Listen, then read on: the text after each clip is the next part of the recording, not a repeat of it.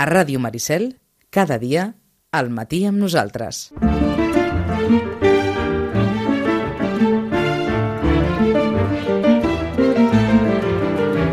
El que no sabem és si l'any 39 la de Vilafranca també era denominada la més típica, però en qualsevol cas, vet aquí un cartell on deia que la de Sitges era la més típica. La més típica, com a mínim, durant l'any de la victòria, 1939. Deixem l'any de la victòria, deixem Franco, que ja, aquesta setmana ja anem bastant plens. Nobel de literatura. Encara no sabem si l'arribarem a veure, si l'arribarem a veure, el dia en què s'entregui una veu de literatura. Però en qualsevol cas, qui més qui menys, l'ha escoltat. Il·lustrarem al nostre web a la conversa que mantindrem d'aquí uns moments amb, amb Rosana Lluc, amb el manuscrit que està escrit en, en, en un paper qualsevol i de la manera qualsevol, però que es va subestar a Sotheby's fa, fa poc, d'un dels temes clàssics d'aquest poeta de la música que ha merescut, gràcies a la seva poesia, a un Nobel de literatura. Times they are changing. Els temps estan canviant. Come gather people wherever you roam and admit that the waters around you have grown and accept it that soon you'll be drenched to the bone. If your time to you is worth saving, then you better start swimming or you'll sink like a stone. For the times they are a changing.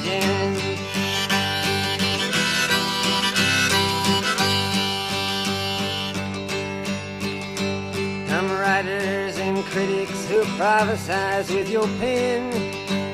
And keep your eyes wide, the chance won't come again. And don't speak too soon, for the wheel's still in spin. And there's no telling who that it's naming. Was the loser now will be later to win, for the times they are a changing.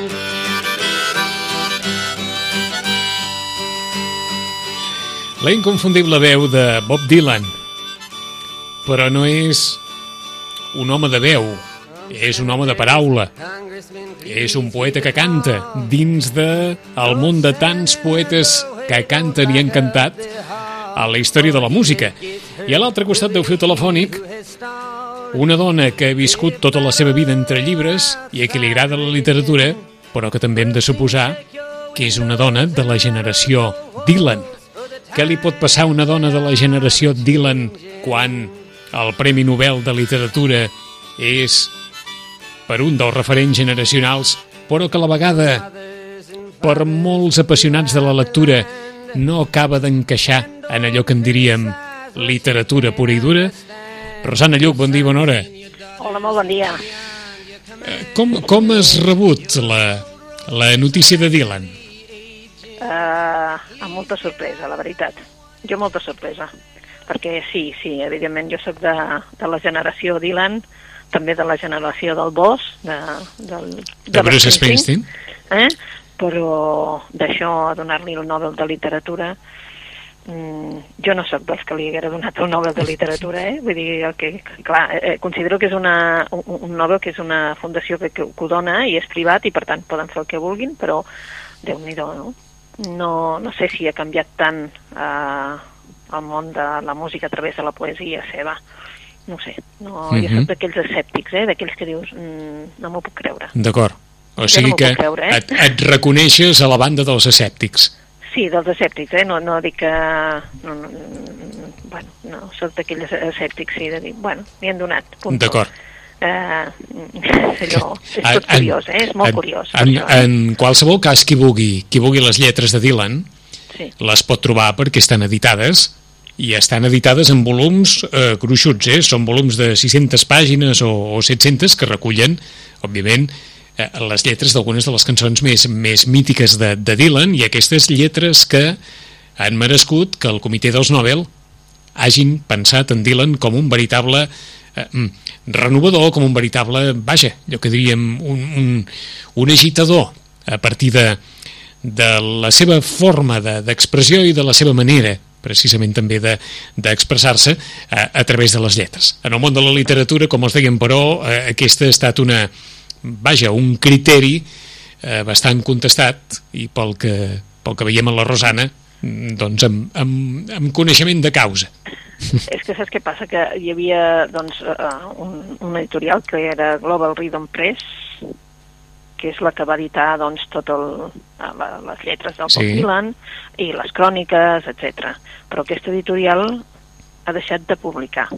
Encara hi ha llibres, però ha deixat de publicar. Uh Mhm. -huh. La qual cosa fa que ara, doncs, eh, o bé si cedeixen a través de... perquè ell és un... l'editor de Global Rhythm és un dels editors de Malpasso. És a dir, que encara estem en aquella situació de veure si editaran les lletres una altra vegada o, o veure què faran, o si tenen alguna a punt. El que passa és que és curiós, eh? Vull dir, el fet de que ell no hagi contestat, el fet de... Sí. No sé, és tot una és història... Molt, és, és molt Dylan, eh? Sí, sí, sí, és Ah, molt Dylan. La, que la, la, pregu la pregunta és, però, um, més enllà de, de si Sí. si anirà a buscar el premi o no, eh, um, Dylan ha estat molt present a les llibreries? No, No, mai. mai. Mai, perquè, a veure, en Dylan està present quan fan un llibre sobre ell, sobre la seva música, però per la part literària, mm, no. No. Que no.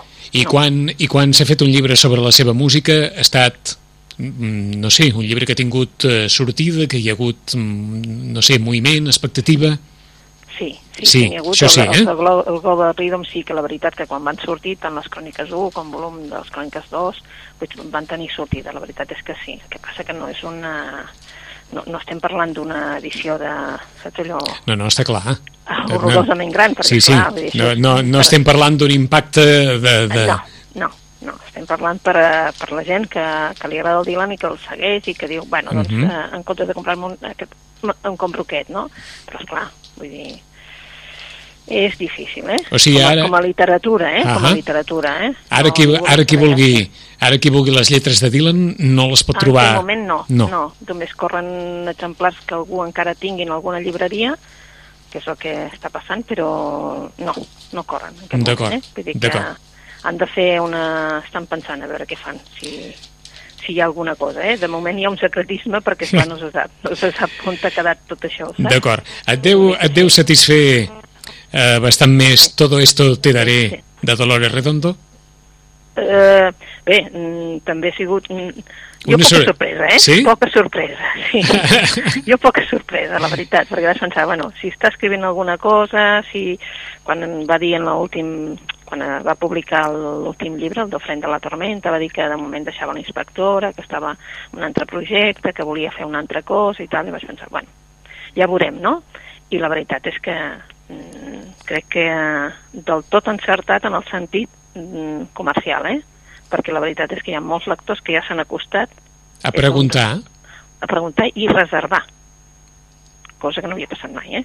eh, Reservar el Premi Planeta. això diria que des que parlem amb tu no ens havíem No. trobat en el cas de la Rosana que digués ja m'han vingut a reservar Reservar, el planeta d'aquest any.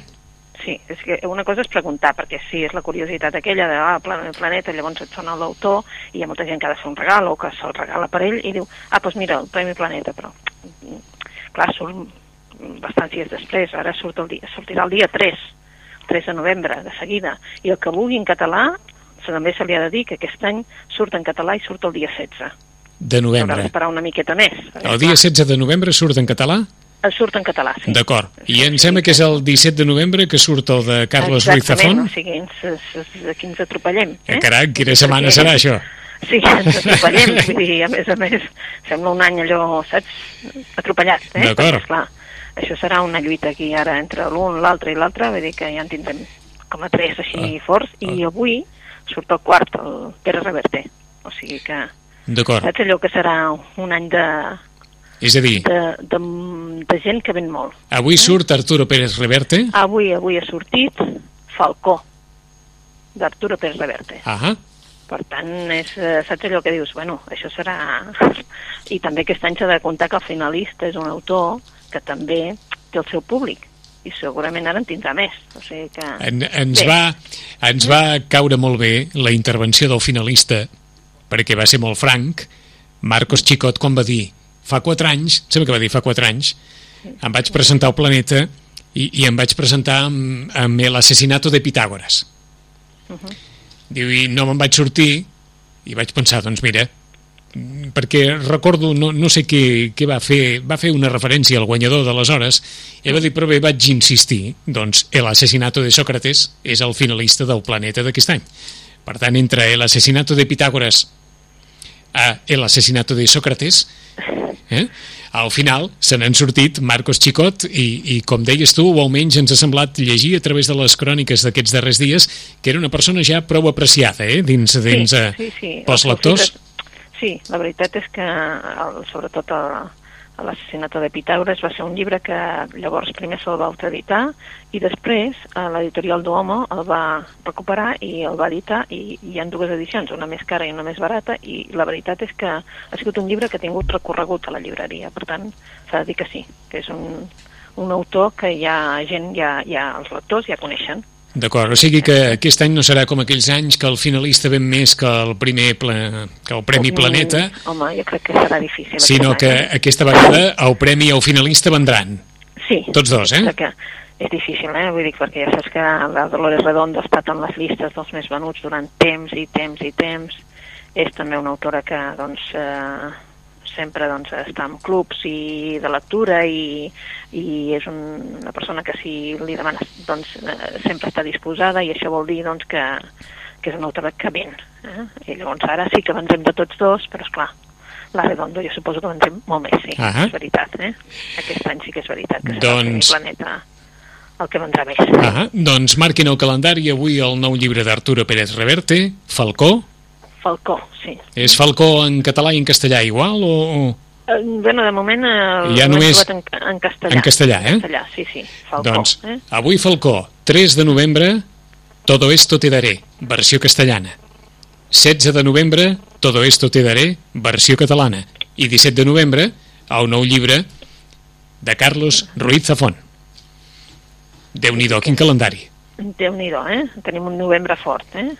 Novembre ja és el mes d'entre octubre i novembre, és el moment en què surten més novetats de cara a, a l'època de Nadal, que és l'època, doncs, de, de realment de regal de llibres Ahà. i de regal- d'autoregalar-te. És que em sembla que quan te- quan t'hem trucat ens has dit que, que estàs sobre llibres, literalment, o sota llibres, eh, literalment. Mm, Literalment. Literalment hi ha tres carros per col·locar. O sigui que saps allò que dius, bueno, ara te col·loquem això, saps? Vull dir que no saps on te col·locar-ho, perquè a més a més, vull dir, hi ha molt, molt, molt de llibre en aquest moment. Però és clar, és el moment també, és veritat, de, de sortir els llibres de cara a que la gent tingui temps, doncs, de, no? de mirar-se'ls, de decidir, de mirar, de remirar. Diu, dius un molt com si diguessis n'hi ha massa. és que si ho veiessis, diries, i ara on es col·loca això? Perquè, és clar, mm, i també tens la sensació que quan ve el client i veu tant de llibre, és com si es maregés, saps? Vull dir que no sap on mirar, tant de llibre. Això ens, ha, eh, això, pot, això ens ha passat a tots, eh? Siguin llibres, discos, roba... Sí, sí, sí. Hi ha un, hi ha un excés d'oferta, eh? Sí, hi ha un accés, hi ha un accés i llavors, clar, um, a mi el que em sap greu és que amb aquest accés, doncs clar, com que, doncs, n'hi ha uns que sobresurten, saps? Doncs hi ha un accés d'aquells i llavors el, els altres de vegades es queden com a molt, molt Mhm, arraconadets. Eh? mhm. Doncs, eh, eh, sàpiguen, el, el web de Carlos Ruiz Zafón ja ho diu ben clarament, eh? El gran momento se acerca. I el gran momento és el de El laberinto de los espíritus. És exacte, vull dir que ja, ja s'acerca, sí, sí, Mhm. el dia 17 ja... Bé, falten- hi ha, hi ha expectació? Sí, molta. Sí, sí, molta expectació. La veritat és que sí. És, eh, eh, és un autor que, que normalment ja ven molt, és un autor que també l'editorial el cuida perquè ha tornat a fer portades noves de tots els llibres seus, eh, tant en butxaca, tant en català com en castellà, i en butxaca i en tapadura, o sigui que... I és un, és un autor que sempre està present a les llibreries, perquè és que La sombra del viento és d'aquells llibres que continuen tenint un recorregut. Eh? Llavors, clar, tant La sombra del viento com El juego de l'àngel, com el... el uh, ara no recordo el tercer. Bueno, uh, i, i, bueno, tots tres han tingut uh, un recorregut molt llarg, i ara, clar, que vingui el quart, Mm. pues sí, eh? El prisioner del cielo. El prisionero del cielo, exactament. Doncs tots, eh, el fet de que també estiguin en castellà i en català, doncs pensàvem que, quan, com que van sortir després, no es van dir, pues sí, realment tenen un, un recorregut molt llarg. Mhm. Veurem ara aquest, però en principi hi ha molta expectació. Uh, recordem que és el quart i el darrer llibre de la tetralogia del Cementerio de los Libros Olvidados. La sombra del viento, El juego del ángel, El prisionero del cielo i El laberinto de los espíritus. Aquests són els quatre llibres de Carlos Ruiz Zafón, el darrer dels quals sortirà el proper 17 de novembre. Molt bé. Alguna novetat d'aquelles que hagi acabat d'arribar Uh, i que no, i que no haguem esmentat encara? eh? Bé, doncs a part d'això, hi ha un llibre que és un llibre curiós, perquè és un llibre curiós perquè l'editorial ha volgut fer doncs, alguna cosa més. El llibre es diu Mujeres que compren flores i llavors l'editora el que ha fet és doncs, portar-nos clavells perquè els puguem regalar a les persones que comprin el llibre. Eh? És un llibre de la Vanessa Montfort, és un llibre, evidentment, doncs, mm, ja es veu que és més per a eh, noies, eh?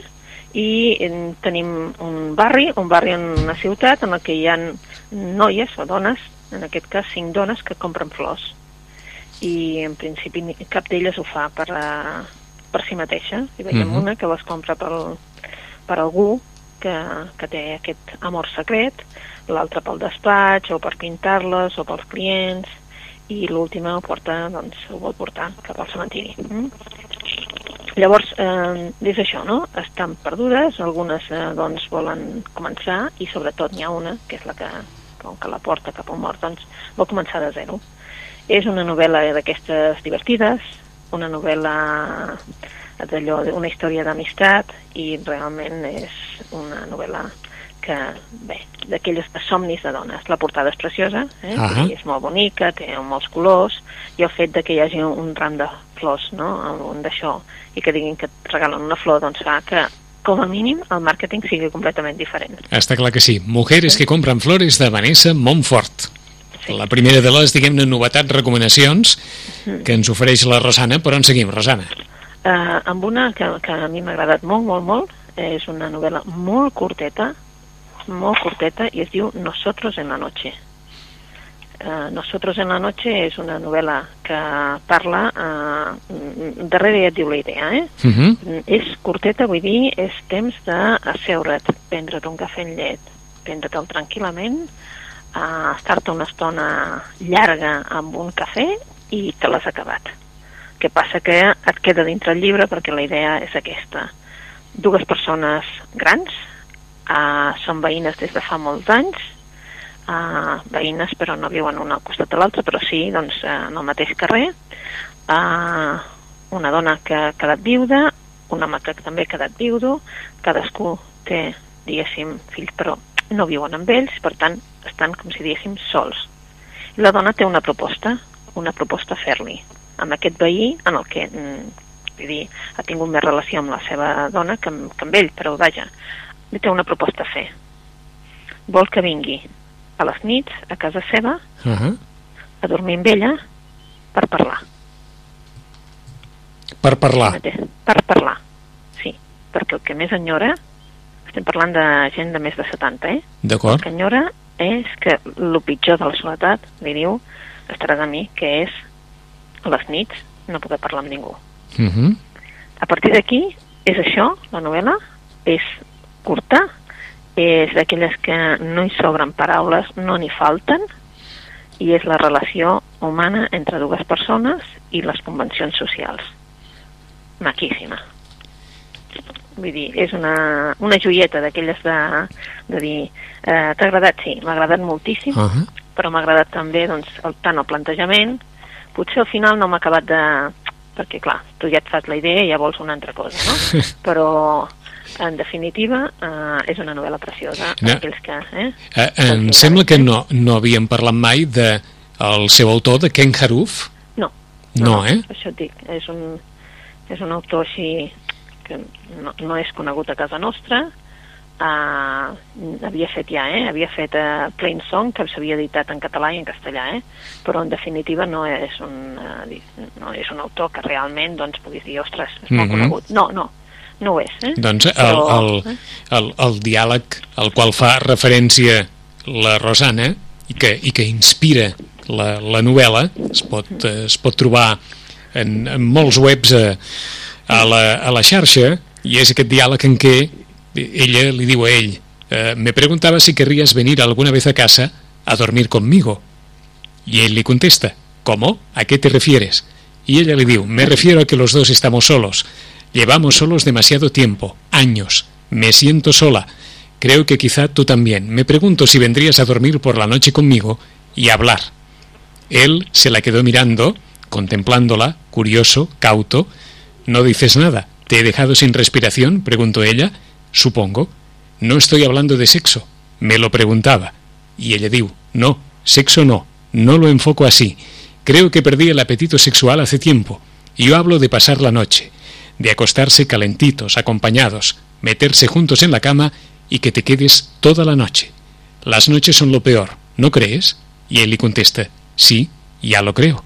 I ella li reconeix que al final acaba prenent píndoles per dormir o llegint fins molt tard, fins que queda tan rematadament cansada que així comença a dormir. I aquest és l'origen d'aquesta història de Nosotros en la noche, novel·la recomanadíssima per la Rosana Lluc, novel·la de Ken Haruf. Doncs bé. Vinga. Després d'això... Eh, Després d'això, eh, que ja ens està molt bé que hem començat avui amb dues històries que res tenen a veure amb, el, amb, amb policies i amb No, inspectors no, no. i res de tot No. això, eh? No, el que sí hem de celebrar també, Vicenç, és la reedició amb, amb un llibre de tapa dura i amb un llibre, diguéssim, com si diguéssim, de fons, del temps de les cireres de la Montserrat Roig. Uf, Ho hem de celebrar, perquè no tenir... Vull dir, per oferir-li amb, el, amb el lector el temps de les cireres, doncs era com a bastant, no?, allò, xocant. escolta'm, quants, quants anys fa? Eh, Doncs, mm, quants, és que en fa molts que va morir, no? És que Sí. ja al final dius, bueno... Eh? És que Doncs jo ara... Aquesta, aquesta, és, o- aquesta obra la va escriure ella l'any 77, li van donar el Premi Sant Jordi, Uh -huh. vale? i fa, doncs no sé, quants fa, la veritat és que deu fer com a, no sé, ella diu, aquí diu Hereus de Montserrat Roig el 91, o sigui que, bueno, no sé quants anys fa que no el tenim, però molts, amb, amb tapa dura i una edició, doncs, de, de dir, aquesta la vull tenir de fons, eh? No la col·lecció de, de diguéssim, d'escolar. D'acord. És a dir, una edició, una edició com cal, eh? Com cal, sí, És que sí. estava, estava mirant per curiositat, Sí. perquè s'havia vist mm, molt per televisió i a les imatges als diaris, el llibre que el president de la Generalitat, Carles Puigdemont, va obsequiar amb Pablo Iglesias en aquesta visita a Madrid. I li va obsequiar amb una biografia de Montserrat Roig. Quan has dit Montserrat Roig, per un moment he pensat si l'havia obsequiat amb el temps de les cireres, però suposo que no, només deu No, existir en versió en català, no. eh? No, sí, eh, primer, però a més a més vull dir que encara encara no, no estava editada. D'acord. O sigui, perquè eh, ha sortit ara. Doncs eh, li va regalar al, al líder de, de Podemos una biografia de Montserrat Roig, eh? Sí, amb, amb ulls oberts, sí. És que, clar, mm, però bueno, també és per celebrar que digués, bueno, doncs vinga, se'n recorden dels nostres autors i ens rediten les obres perquè ja era hora, no? Doncs un altre, un altre. Uh, aquest any parlem de Llull i el Ramon Gasc ha fet una obra que es diu Llibre de veritats i secrets, l'obra perduda de Ramon Llull. Uh -huh. I aquí, doncs, eh, bé, ens parla de la infància, de la joventut, eh, de les persones amb qui va tractar. Um, en realitat, um, hi ha moltes coses que no en sabem res, eh? com van ser els primers els anys de matrimoni, si realment va ser fidel o va tenir diverses dones. Bé, com que tenim aquesta imatge del filòsof, de l'escriptor, eh, del savi, um, bé, doncs dius eh, quin era eh, realment els altres secrets del Ramon Llull. Doncs el llibre de, de veritats i secrets ens porta com cap a un període de la, de la, seva, de la seva vida doncs de coses que, de secrets que s'han perdut. Eh? I el Ramon Gasc el que fa doncs és això. Eh? Un llibre de veritats i secrets, el llibre de veritats i secrets de Ramon Llull. Mm? És novel·la històrica? Sí, és, és com una obra perduda eh, de, del Ramon Llull, vale? i és com si ell fa, eh, fes, mm, doncs com si fes el, la recreació de tot el que el Ramon Llull tenia Ah. eh, escrit. Eh? I llavors ens fa darrere una cronologia de l'obra i de, del, del, de l'obra del Ramon Llull i en definitiva doncs més que una obra és, jo diria doncs una recreació de la seva obra doncs qui vulgui acostar-se encara més a la figura d'uns personatges capdals en la literatura catalana, llibre de veritats i secrets, l'obra perduda de Ramon Llull, de Ramon Gasc, editat per al grup 62. Una altra de les recomanacions d'avui. Més, que avui són molt diverses, eh? Avui sí, estem... avui són molt diverses. Avui són molt diverses. Que, és que hi ha molta cosa, eh? Hi ha molta cosa. I ja, i ja no hem parlat de... les taules, eh? I, I ja no hem parlat de si Harry Potter es continua venent i de si el llibre de Johan Cruyff està al capdamunt de les vendes Doncs o... sí, doncs sí eh? tot això sí i més. Sí, sí. A Harry Potter eh, col·lapsa, col·lapsa el Falcones, col·lapsa amb no ficció, tant el Johan Cruyff com, com l'Iniesta, i, i- i continua col·lapsant mm, aquesta falera per l'ordre que tenim amb la màgia de l'ordre de la Marie Kondo. Ja ens ho havies Sí. dit en el seu dia, eh? Sí, sí, sí, continua, doncs, cada... És com si al cap d'una o dues setmanes tornés, um, una altra vegada, Mm. saps? I, bé, com que ara n'ha publicat una altra, doncs eh, és que és la filosofia després de l'ordre, o sigui que... eh? Saps? Això està donant molt de sí, eh? Sí, sí, sí, molt, eh? Molt. I sembla curiós que la gent, doncs, eh, s'hi vingui amb una cosa així, no? Perquè es, es tracta, doncs, això, eh? De- d'ordenar Mm a casa teva Ens- per ordenar la teva vida. Ens sembla que ens agrada més llegir-ho que practicar-ho. Ah, exacte, sí. Bueno, Que això es tracta de començar a tirar, eh? Com a- començar com a- a tirar, començar a tirar, eh? Com aquella frase pública de Guardiola de que si ens aixequem ben d'hora, ben d'hora, eh? Exacte, sí, doncs sí. de, sí, després ja, ja en parlaríem, però, però l'ordre, la disciplina, mm, no, no sé si és molt implantada en la vida quotidiana, però en qualsevol cas, a l'hora de llegir-la, sí que en valorem qui la practica, això per descomptat. Això sí. I si la pel·lícula ajuda, hem de suposar que arribarà a Sant Jordi perfectament la noia del tren, perquè continua... Doncs sí, Vicent, Sí, eh? la pel·lícula ajuda, eh, la previsió de que la pel·lícula doncs, ja s'estrena, em sembla que s'estrena... S'estrena ja mateix. Sí, aquest cap de setmana, em sembla, doncs eh, sí, ajuda perquè ja s'ha notat aquests últims dies que, doncs, que hi ha una revifalla de, de la noia del tren, eh, tant en català com en castellà, i la veritat que això també, clar, la gent et pregunta, però ja hi serà en butxaca? Doncs no, de moment no hi és en butxaca i, i, i no sé si realment la faran en butxaca perquè és que jo veig que això continua, continua, continua. Mhm. Vull dir que continua estant a les llistes perquè realment doncs, és un dels llibres també que s'està venent molt. D'acord, i que revifat arran de la pel·lícula, eh? Exacte, sí, sí. D'acord. Ens havíem quedat, hem fet un parèntesi, però la Rosana ens portava més novetats. Ens havíem quedat en el llibre de Veritats i Secrets abans de fer aquest parèntesi. Per on seguim? Seguim per una altra, per una altra de la ruta Cepetis. La ruta Cepetis ens havia fet un llibre que es deia Entre tones de gris i, i la veritat és que després també va fer un altre del color de los sueños. Entre tones de gris ens, parla, ens parlava doncs de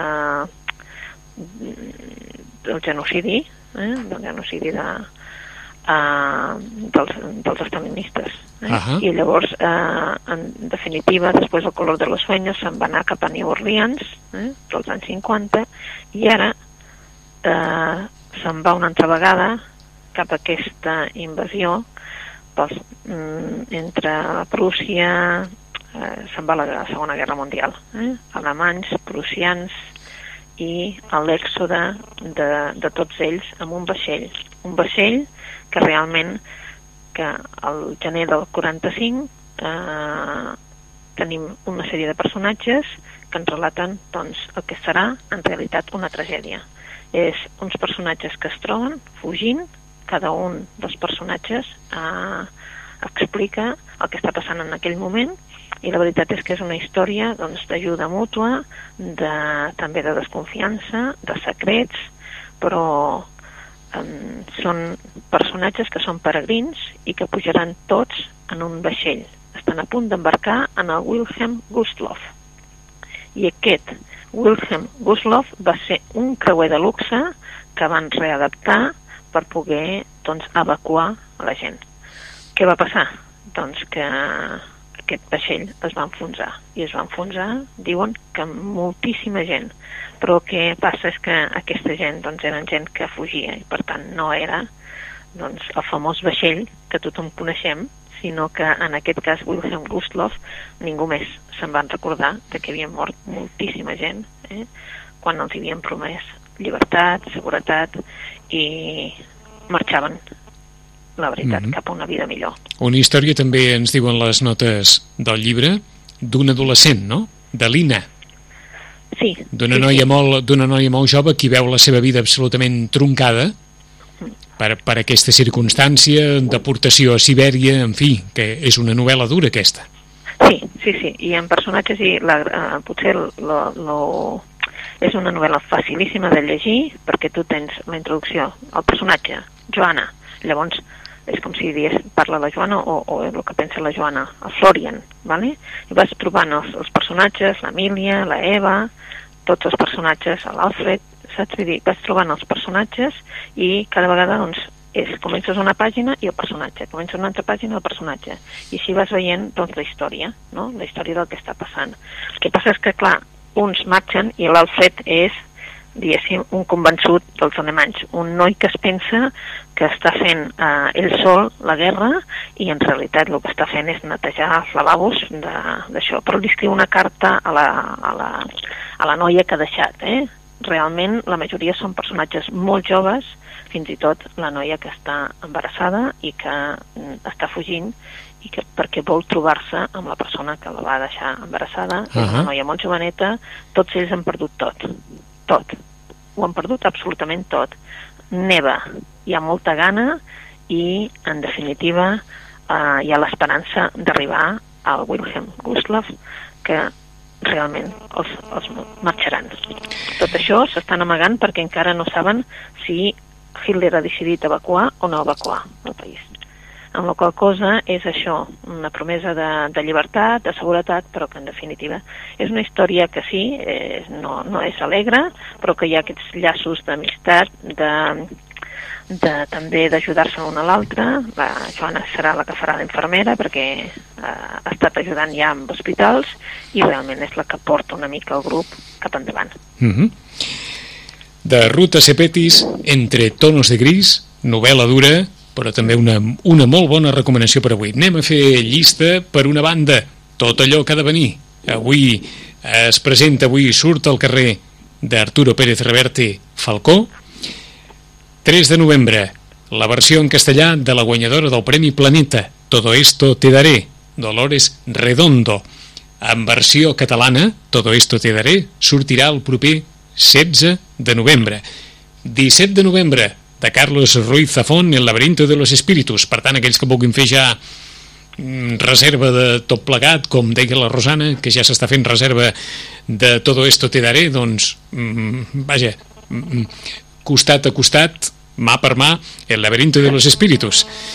Lectura molt entretinguda, fàcil, la d'aquesta història de, de cinc dones, de cinc dones, de flors, Mujeres que compren flores, de Vanessa Montfort. Llibre també acabat de sortir, una lectura molt agradable, també molt ràpida. Una lectura molt reflexiva sobre la soledat, sobre la soledat en la bellesa, sobre, sobre l'amor, sobre, vaja, gairebé diríem la condició humana en aquesta edat de la vida no sempre fàcil. Nosotros en la noche, de Ken Haruf, una novel·la deliciosa, ens diu la Rosana, plena, plena, plena de reflexions sobre la soledat i sobre l'estima. Qui no l'hagi llegida, qualsevol novel·la valdria, però s'ha tornat a reeditar El temps de les cireres, que és una de les novel·les capdals de Montserrat Roig, editada l'any 1977, es torna a reeditar amb una edició molt maca, ens diu la Rosana.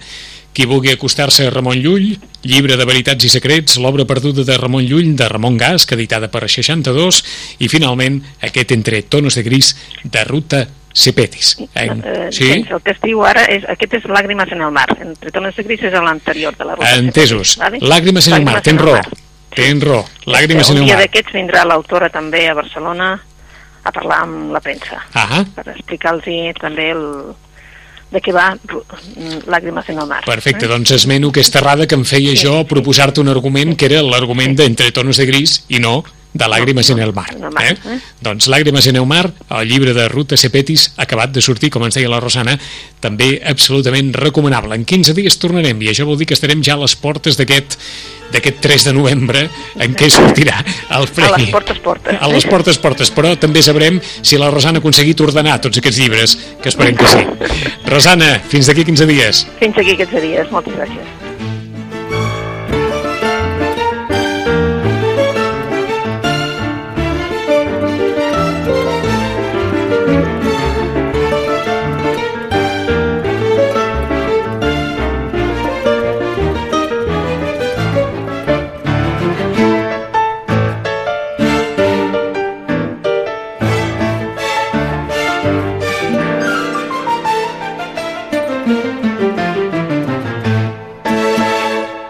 Ràdio Maricel, 107.8 FM.